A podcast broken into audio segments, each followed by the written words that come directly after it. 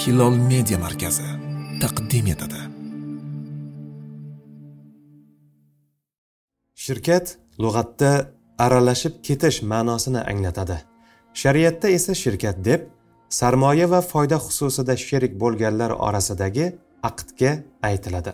Shirkat muomalasi qur'oni karimda zikr qilingan. Alloh taolo ular uchdan biriga sherikdirlar degan. Niso surasi o'n ikkinchi oyat. Ya'ni merosga qolgan molning uchdan biriga sherik bo'lib molik bo'lurlar deganidir. Shuningdek alloh taolo boshqa bir oyatda albatta ko'p sheriklar bir birlariga zulm qilurlar. Iymon keltirib solih amal qilganlargina mustasno. Ular juda ham oz degan. Sot surasi yigirma to'rtinchi oyat. Islom ummati doimo mol mulkda moliyaviy muomalalarda sheriklikni ma'qullab kelgan. Chunki modomiki kishilar bir jamiyatda yashar ekanlar bunday ishga muhtojdirlar. Abu hurayra roziyallohu anhudan rivoyat qilinadi. Nabiy sollallohu alayhi vasallam dedilar alloh taolo men ikki sherikning modomiki ularning biri o'z sherigiga xiyonat qilmasa uchinchisidirman bas qachon unga xiyonat qilsa oralaridan chiqurman deydi. Abu dovud sahih san'at bilan rivoyat qilgan. Ushbu hadisi qudsiyda sherik bo'lganlarning bir birlariga xiyonat qilmasliklari haqida qattiq ta'kidlash bor. Agar sheriklar bir birining haqiga ko'z olaytirmasa poymol qilmasa alloh taolo ular bilan birga bo'ladi. Xayr baraka birga bo'ladi. Agar sheriklar bir birlariga xiyonat qilsalar alloh taolo ularning orasidan chiqadi. Ularning shirkatidan xayr baraka ham ko'tariladi. So'ng ularning orasiga shayton kiradi. Shirkatlari esa tanazzulga yuz tutadi. Ibn umar roziyallohu anhudan rivoyat qilinadi. Rasululloh sollallohu alayhi vasallam haybarni yahudiylarga u yerda ishlab ziroatchilik qilishlari uchun berdilar. U yerdan chiqadigan narsaning yarmi ularga bo'ladigan bo'ldi to'rtovlari rivoyat qilishgan.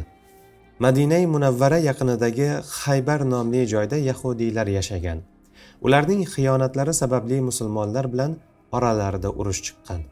Urushda ular yengilib yerlari o'lja sifatida musulmonlarga o'tgan. Ana shunda payg'ambarimiz sollallohu alayhi vasallam yahudiylar bilan shartnoma tuzib o'sha yerlarni ularga dehqonchilik qilish uchun berganlar. Chiqqan mahsulot o'rtada teng taqsimlanadigan bo'lgan. Islom shariatida shirkatlar ishiga katta e'tibor berilgan. Chunki erkin iqtisodiy rivojlanish asosan shirkatlarga bog'liq. Ko'pchilik bir o'zi biror ishni yuritishi qiyin. Shirkat bo'lganda esa ish osonlashadi. Shuning uchun ham eski fiqh kitoblarini varaqlaydigan bo'lsak bu masalada juda ko'p foydali maslahatlarni ko'ramiz. Musulmon kishilar topgan molu mulklari halol pok bo'lishini istasalar boshqa iqtisodiy faoliyatlari qatori shirkat ishlarida ham shariat ko'rsatmalariga amal qilmoqlari lozim. Islom shariati nuqtai nazarida shirkatlar iqtisodiy rivojning eng muhim asoslaridan hisoblanadi. Chunki ularda sheriklik asosida kishilar o'z fikrlari ishlari sarmoyalari ila ko'pchilik bilan hamfikr va hamjihat bo'lib iqtisodiy faoliyat olib boradilar. Shuning uchun ham ulardan ko'p foyda keladi. Lekin bu ishda ham halollik kerak xiyonat bo'lmasligi lozim. Bizga vatandoshlarimizdan bo'lgan murojaatlarning ko'pchiligi muzoraba shirkati haqida bo'lganini e'tiborga olib shirkat haqida batafsil ma'lumot taqdim qilishga qaror etdik.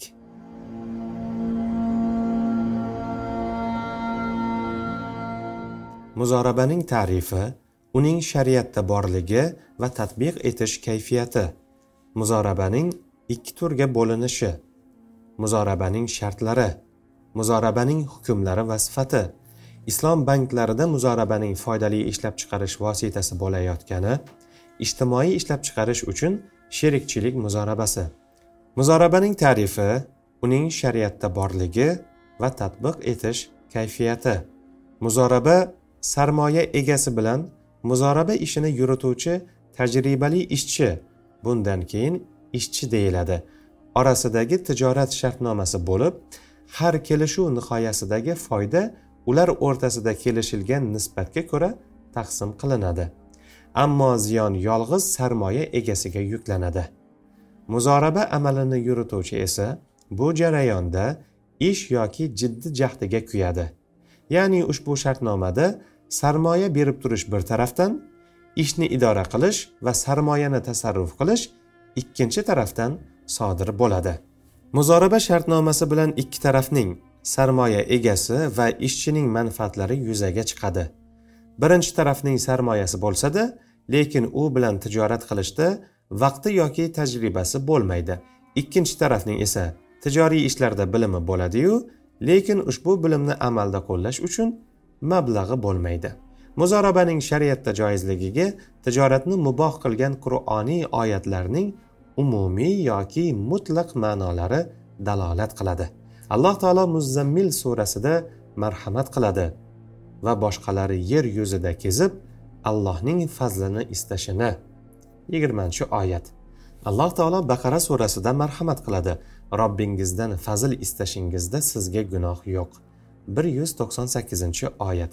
Nabiy sollallohu alayhi vasallam yigitlik davrlarida hadija onamiz roziyallohu anhoning mollari bilan shomga borib muzoraba qilganlarini risolat kelganidan keyin iqror qildilar. Ya'ni bu ishning joizligini tasdiqladilar. Sahobalar muzora bilan shug'ullanishar ulardan birortasi bu ishga qarshi chiqmas edi. Turli asrlarda muzorabaning joizligiga butun ummat ijmo qilib keldi. Muzorabani amalga oshirish yoki tadbiq qilish oson. Bank yoki undan boshqa taraf sarmoya egasi sifatida molni taqdim qiladi. Ikkinchi taraf esa foydadan kelishilgan muayyan hissa evaziga ushbu molni samarador qilish maydonida ishlaydi. Muzoraba muddatining nihoyasida biror shartnoma bajarib bo'lingach yoxud tijoriy reja oxiriga yetgach yoki davriy bosqichlardan har bir bosqich amalga oshgach yoki tijoriy bosqichlardan aksari bosib o'tilgach naqd pul qo'lga tushsa sarf xarajatlari qoplanib qolgan sof foyda kelishuvga ko'ra taqsimlanadi. Shunga ko'ra sheriklik muzorabada talafotga uchragan va g'asb qilingan mablag'lardagidek naqd pul emas balki taqdiriy qiymat ham foydaga qolishi mumkin. Bunda ularning mislini taqsimlash imkonsiz bo'lgani uchun qiymatlarini chiqarib taqsim qilinadi. Agar ziyon bo'lsa ushbu ziyon sarmoya egasi sifatida bank yoki uning o'rnidagi boshqa sarmoyadorning zimmasida bo'ladi. Bank foydalarni taqsimlashdan oldin sarmoyani qaytarib oladi. Bu foyda sarmoyani saqlash uchundir qoidasi asosida bo'ladi. Agar foyda tijoriy amaliyot tugashidan oldin taqsimlansa bu hisobga ko'ra va sarmoya butun qolishi yuzasidan bo'ladi. Muzorabaning ikki turga bo'linishi. Muzoraba mutlaq yoki qaydlangan bo'ladi. Mutlaq muzoraba hech qanday qaydlarsiz nihoyasiga yetadi. Bunda bank yoki puldor shaxs molni muzorabaga berib ish makon zamon amalning sifati va ishchining kim bilan muomala qilishini belgilamaydi. Qaydlangan muzorabada esa ayrim qaydlar keltirib o'tiladi. Bunda bank molni boshqa shaxsga berar ekan muayyan tovarda yoki muayyan shahar yoki bozorda ma'lum vaqt orasida ishlashini belgilab qo'yadi yoki faqat ma'lum shaxs bilan muomala qilishni qayd etadi. Shunga ko'ra sarmoyador ishchiga bozorning urfida muayyan foyda keltiradigan savdo molidagina tijorat qilishni shart etib qo'yish ham joizdir. Muzorabaning shartlari. Muzorabaning to'g'ri bo'lishi uchun unda bir necha shartlar topilishi lozimdir. Birinchi sarmoya tijoriy tovarlar yoki savdo mollari bo'lmay balki naqd pul bo'lishi shart. Shofiylardan boshqa fuqaholar jumhuri muzorabani savdo mollari bilan qo'shib qilishni ham joiz deyishgan. Bunda muzoraba shartnomasini tuzish paytida o'sha savdo mollarining qiymati chiqarilib shu qiymat muzorabaning sarmoyasi deb e'tibor qilinadi. Ikkinchi sarmoyaning miqdori shartnoma tuzilgan paytda qayd etib qo'yilishi yoki bu qiymat undan kelgan foyda egalari o'rtasida taqsimlangunga qadar ma'lum bo'lishi shart. Agar sarmoya noma'lum bo'lsa sarmoyadan ortgan foydani aniqlab bo'lmay qoladi. Uchinchi sarmoya birovning zimmasidagi qarz va ishchining qo'lga olish imkoni yo'q g'oyib mablag' bo'lmay balki qo'ldagi muayyan mablag' bo'lishi shart. Ishchi o'z zimmasidagi qarzni egasiga topshirmagunicha undan qutula olmaydi. Ishchi qarzni haqdorning ruxsati bilan qarzdordan olsa uni muzorabaning sarmoyasi qilishi joizdir. Xuddi shuningdek omonatni ham qo'liga olgach uni muzorabaning sarmoyasiga aylantirishi mumkin. To'rtinchi jumhur fuqarolarning qarashlariga ko'ra sarmoyani ishchining qo'liga tijorat taqozosiga ko'ra ishlata oladigan tarzda topshirish shart. Hanbaliylar esa sarmoya sarmoyadorda turishi va uni ehtiyojga qarab ishchiga bo'lak bo'lak qilib berishi joiz. Chunki muzoraba shartnomasi molni topshirishni emas balki uni mutlaq tasarruf qilishni taqozo etadi deyishadi. Beshinchi ikki taraf shartnomada foyda oz yoki ko'p bo'lishidan qat'iy nazar uni yarim yoki uchdan bir kabi ma'lum nisbatda taqsimlashga kelishib olishlari shart. Bu foydadagi sherikchilik asosida bo'ladi. Ammo ziyon yolg'iz sarmoya egasining zimmasida bo'lib ishchiga esa undan biror narsa yuklatilmaydi. Chunki ziyon sarmoyaning nuqsonga uchrashidir. Sarmoyaning egasi esa sarmoyadordir. Shunga ko'ra sarmoyador ishchiga sarmoya bilan qo'shib ma'lum mablag'ni yoki moldan muayyan foizni berish shartini qo'yishi joiz emas. Lekin ishchi sarmoya egasiga sarmoyaning o'zidan foydalar hisobiga ko'ra ma'lum nisbatda berib turishi joiz bo'ladi. Oltinchi foyda miqdorining ma'lum bo'lishi ham shart. Chunki shartnoma shuning ustiga quriladi. Foydaning noma'lumligi shartnomani fosit qiladi. Shu bilan birga har ikki tarafning nasibasi kelishilgan holda bo'laklarga bo'linadigan bo'lishi ham shart. Chunki shartnomaning taqozosi foydadagi sherikchilikdir. Ikki tarafning birini qo'yib ikkinchisiga aniq yoki muayyan miqdorni belgilab qo'yish joiz emas. Chunki bunda foydadagi sherikchilik asosi yo'qqa chiqadi. Muzorabaning hukmlari va sifati. Muzorabaning bir necha shar'iy hukmlari bor. Birinchi muzorabada sherikchilik joizdir. Bunda ishchi o'zining xos mollarini muzoraba mollariga qo'shib yuboradi. Natijada u sarmoyada ham sherikka aylanadi. Shundan keyin sarmoyani tasarruf qiladi va foyda har bir sherikning sarmoyasi nisbatida taqsim qilinadi. Ikkinchi ishchilar bir nechta bo'lishi ham joizdir. Bunda sarmoyador muzoraba qilish uchun bir shartnomaning o'zida ikki yoki undan ko'p kishiga o'z molini beradi. Ishchilarning tajribasi va amaliga qarab foyda miqdorlari teng yoki har xil bo'lishi mumkin. Uchinchi sarmoyadorning muzorabadan ko'zlagan maqsadi yuzaga chiqishi foyda hosil bo'lishi uchun muzoraba amaliyotini qiyinlashtirmagan holda ayrim foydali qaydlarni belgilab qo'yishining zarari yo'q. Shunday chog'da ishchi qo'yilgan shart yoki qaydlarga amal qilmasa u g'asb qiluvchi birovning mulkini kuch bilan tortib oluvchi bo'lib ziyonga uchrasa sarmoyaga zomin bo'ladi to'lab beradi. To'rtinchi ishchi tijorat urfiga ko'ra ijara yollashi yoki o'ziga qiyin bo'lgan har bir ishda xodim yollash ham joizdir. Yana muzoraba molini boshqa kishining huzurida omonatga qo'yish ham mumkin chunki omonatga qo'yish tijoratdagi zaruratlardandir shu bilan birga oldi sotdi ishlarida vakil tayin qilishi muzoraba molini o'zi bilan birga safarga olib chiqishi ham ishchining huquqlaridan hisoblanadi. Albatta bu ishlar yuqorida ko'rib o'tganimizdek sarmoyador qo'ygan qaydlarga zid bo'lmasligi lozim. Beshinchi ishchining qo'lidagi muzoraba moli omonat hisoblanadi. Ushbu mol talafotga uchrasa ishchi uni to'lab bermaydi. Lekin uning aybi bilan haddidan oshishi yoki beparvoligi sababli talafotga uchrasa to'laydi. Bunday holatlarda sarmoyador sarmoyani tiklash uchun ishchidan sarmoya miqdorida garov talab qilishi joizdir. Yoki ishchining beparvoligi sababidan sarmoyaga yetgan zararni to'ldiradigan kafil talab qilishi ham mumkin. Lekin sarmoyador sarmoya yoki foydaning tabiiy talafotida ishchining zimmasiga talafotni to'lashni yuklashi joiz bo'lmaydi. Chunki ishchi sarmoyaga nisbatan omonatdor shaxs xolos. Omonatdorga to'lab berishni yuklash botildir. Shart botil bo'lsa-da muzoraba shartnomasi to'g'ri bo'laveradi. Zero bunday holatda ishchining sheriklikdagi sarmoyaga zomin bo'lishi riboning ziyodasini to'lab berishga o'xshash muomalaga aylanib qoladi. Islom fiqhi akademiyasining to'rtinchi majlis beshinchi qarori to'rtinchi bandida shunday deyiladi.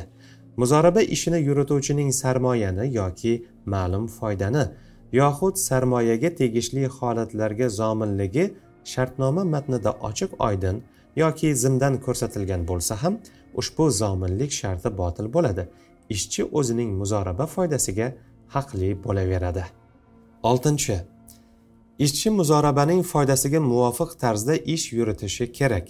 Muzoraba molidan biror narsani qarz yoki ehson qilishga uning haqqi yo'q yoki sarmoyadan ko'p miqdordagi narsani sotib olishi muzoraba moliga boshqani sherik qilishi ham to'g'ri bo'lmaydi. Lekin sarmoyador ruxsat bersa yoki ishni o'z fikricha yuritishni unga topshirgan bo'lsa bu ishlarni qilishi joizdir. Ishchining molni nasiyaga sotishi va kishilarga molning urfiy narxidan oshirib sotishi joizmi degan masalada ikki xil fikr bor. Bu fikrning kuchlirog'i urfga qarab qaydlashdir. Sarmoyadorda ishchining zimmasiga faqat naqdga sotishni shart qilib qo'yish haqqi bor. Shunda ishchi nasiyaga sotsa va ziyon ko'rsa yoki pulni undira olmasa o'zi to'laydi. Yettinchi ishchida muzoraba molidan ibzo qilish huquqi bor. Ibzo kishiga falon shahardan tovar sotib olishi uchun mol berishdir. Bunda u kishi ishi uchun evaz olmaydi. Ushbu holdagi foydaning barchasi sarmoya egasiga bo'ladi. Muzoraba ishini yurituvchiga bu foydadan hissa tegmaydi chunki mol omonat bo'lib ushbu omonatning barcha hosilasi uning egasiga tegishlidir. Ular tijoriy hisobotlar orasiga kirmaydi. Ya'ni ibzo ish bilan mol orasidagi sheriklik bo'lib ishchi o'z ishini ko'ngilli tarzda qiladi foydaning barchasi mol egasiga bo'ladi. Sakkizinchi ishchi foydadagi o'z hissasini faqat sarmoyadorning ruxsati bilangina olishi mumkin. Sarmoya to'ldirilmaguncha foydadan ololmaydi chunki foyda sarmoyani saqlash uchundir. Agar ziyon ko'rilsa dastlab sarmoya foydadan to'ldiriladi. Xuddi shuningdek muzoraba amaliyoti nihoyasiga yetmay turib foyda taqsim qilingan bo'lsayu so'ng sarmoyaga ziyon yetsa o'sha taqsim qilingan foydadan sarmoya o'rniga keltiriladi. To'qqizinchi mol naqd pulga aylanmaguncha va sarmoyador sarmoyani qo'liga olmaguncha ishchi foyda olishga haqli bo'lmaydi. Lekin nazariy jihatdan islom banklari bilan sherikchilik aloqalari ma'lum vaqt va davomiyligi ijtimoiy tijorat va tadbirkorlarning mablag'ni chiqarib olishlari sababli naqd bo'lmagan mablag'larning qiymatini chamalab borish to'g'ridir. Islom fiqhi akademiyasi o'zining to'rtinchi majlis beshinchi qaror oltinchi moddasida shunday deydi. Taqsimlash mahali shar'iy ma'nodagi foydadir. Foyda samara yoki natija emas balki sarmoyadan ziyoda bo'lgan narsadir. Foydaning miqdori molning naqd pulga aylanishi yoki molning naqd pulga aylangandagi qonuniy qiymati bilan bilinadi. Mol naqd pulga aylanganda yoki uning qiymati chiqarilganda sarmoyadan oshgani foydadir. Ushbu foyda sarmoyador bilan muzoraba ishining yurituvchisi orasida shartnoma shartlariga muvofiq tarzda taqsim qilinadi. Yettinchi moddada shunday deyiladi. Foyda zohir bo'lganda unga naqd pul bilan yoki qiymat bilan ega bo'ladi. Bu ham faqat taqsim bilan va samara yoki natijani keltirgan qonuniy nisbat bilan amalga oshadi. Chunki samarani taqsimlash joizdir. Mol naqd bo'lishidan oldin ikki taraf taqsimlab olgan narsa umumiy hisobning ostiga kiradi. Ya'ni xuddi avans sifatida olgandek hisob qilinadi. O'ninchi muzorabadagi sarmoyani uchinchi taraf ya'ni muzoraba shartnomasini tuzuvchilardan boshqa taraf ko'ngilli tarzda to'lab bermoqchi bo'lsa unga to'sqinlik qilinmaydi. Ya'ni bu o'sha uchinchi tarafning sovg'asi hisoblanadi. Xayriya ishlarida noaniqliklar kechiriladi. Bu o'rinda yo'qotilgan voqelikdagi foydani emas balki faqat sarmoyaning asliga yetgan nuqsonni to'ldirish ko'zda tutilmoqda. Yo'qotilgan kasb yoki zoye qilingan fursat voqelikdagi foyda edi. Ya'ni sarmoyadorning sarmoyasini to'lashni zimmasiga olgan taraf ishchining zoye bo'lgan fursatini ham to'lab bersin. Deyilmaydi. Xayriya ishlarida shu kabi noaniqliklar ya'ni faqat bir tarafga manfaat yetkazish kabilar qabul qilinaveradi. Xayriya qilmoqchi bo'lgan taraf sarmoyani to'ldirish bilan chegaralanadi. Ishchining sarmoyadorga sarmoyani to'lab berishi to'g'ri bo'lmaydi. Zero bu muzoraba shartnomasining taqozosiga ziddir. Islom fiqi akademiyasining to'rtinchi beshinchi raqamdagi qarorining to'qqizinchi bandida quyidagi matn keladi. Shu o'rinda shartnoma matnida yoki qarz oldi berdi muomalasi hujjatida muzoraba shartnomasini tuzuvchi ikki tarafdan boshqa moliyaviy zimma va shaxsiyatdan mutlaq mustaqil uchinchi tarafning ko'ngilli ravishda zararni to'lab berishi va'dasining yozilishi shar'iy jihatdan noto'g'ri deyilmaydi. Uchinchi tarafning hech qanday evazsiz muayyan rejadagi zararni qoplashi muzoraba shartnomasiga aralashmagan balki mustaqil tarzdagi lozim shartnomadan hisoblanadi. Yana shuningdek ayrim molikiy fuqaholar muzoraba ishini yurituvchi ishchi muzoraba shartnomasi tuzib bo'lingach va u sarmoyani tasarruf qilishni boshlagach ko'ngilli ravishda sarmoyani to'lab berishni zimmasiga olishi joiz bo'ladi deyishadi. Ibn zob ibn bashir va uning shogirdi ibn itob shular jumlasidandir. Ya'ni muzoraba shartnomasi zominlik shartidan xolidir lekin bu shart shartnoma tuzilganidan keyin yuzaga chiqadi. Garchi shartnoma va to'lab berish sharti umumiy ko'rinishda bo'lsa ham ishchi zominlikni alohida zimmasiga olishidan qaytarilmaydi. Ammo bank omonat egalari bilan birga shartnoma tuzar ekan unga o'z ishlab chiqarishi zominligini yoki foydadan ma'lum miqdorni to'lab berish shartini qo'yishi joiz bo'lmaydi. Chunki muzorabada bunday shartning joiz emasligi sunnatda sobit bo'lgandir. Ushbu zominlik ishlab chiqarishda noqonuniy deb taqdim qilinadi. Izoh. Bank tadbiqotlariga shar'iy javoblar.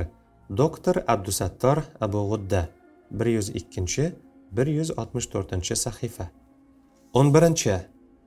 Baraka bankining ilmiy fatvolarida vorid bo'lishicha muzoraba shartnomasining boshida sarmoyadorning muzorabadagi hissasini muayyan nisbat bilan belgilab qo'yish joiz bo'ladi. Va foyda sarmoyadan muayyan nisbatga yetganda ushbu nisbat o'zgaradi. Bu hisob kitoblar naqd pulga aylantirilganda ma'lum bo'ladi. B bandda aytilishicha sarmoyador ishchining muzoraba sarmoyasida muayyan nisbatdagi foydadan kamiga ishlamasligini qaydlab qo'yishi mumkin. O'n ikkinchi ishchi muzoraba ishi yuzasidan safarda bo'lsa yeyish ichish va kiyim xarajatlarini foydadan oladi. Agar foyda bo'lmasa sarmoyadan oladi. Ammo muqimdalik chog'ida ushbu xarajatlarni o'z molidan qiladi. Faqat muzoraba amaliyoti ishchining kundalik xarajatlarini topishdan mashg'ul qilib qo'ysa muzoraba molidan ishlatadi. Shunga ko'ra har bir muzoraba amaliyoti uning foyda keltirishga xos bo'lgan xarajatlarini ko'taradi. Ammo idoriy xarajatlar yolg'iz bankning zimmasida bo'ladi. Ishchining zimmasida bo'lmagan hisob kitob ishlari xarajatlari ham bankka yuklatiladi. Bank yoki ishchi muzoraba sarmoyasidan ma'lum mablag'ni oylik sifatida ajratib qo'yishi mumkin. Bu muzoraba sarmoyasiga yuklatilgan sarf xarajatlar e'tiboridan bo'ladi. Ya'ni bu mablag' foyda taqsimlanishidan oldin va sarmoya qaytarilganidan keyin foydadan chiqarib tashlanadi. Izoh. Abu g'udda yuqoridagi manba to'qson uchinchi sahifa. o'n uchinchi. Molikiy va hanbaliylarning qarashlariga ko'ra qarz muzoraba taraqqiyot ishsizlarga ish tashkil qilish va sadaqa kabi ishlar uchun sarmoyador o'z hissasidagi foydadan naqd pullarni vaqf qilib qo'yishi joizdir. Izoh. Majmuul fatavo o'ttiz bir drob ikki yuz o'ttiz to'rt. O'n to'rtinchi muzoraba shartnomasi boshqa sheriklik shartnomalari kabi joiz aqdlardandir. Amalga kirishishdan oldin ham yoki keyin ham uni oxiriga yetkazish majburiy bo'lmaydi. Ikki taraf ham xohlagan paytida shartnomani buzishlari mumkin. Lekin bunda buzayotgan taraf sherigini ogohlantirishi shart. Agar ogohlantirmasa u zarar ko'rib qolishi mumkin. Ammo molikiylarning aytishicha muzoraba ishiga kirishilganidan keyin bu shartnomani nihoyalash ikki tomonga ham majburiy bo'ladi. Uni buzish uchun ikki taraf kelishishlari shart. Zarurat yuzasidan ushbu fikrni olsa yaxshi bo'ladi. Bunda ishchi muzoraba ishini boshlaganidan keyin muzoraba shartnomasini buzib bo'lmaydi. Assalomu alaykum va rahmatullohi va barakatuh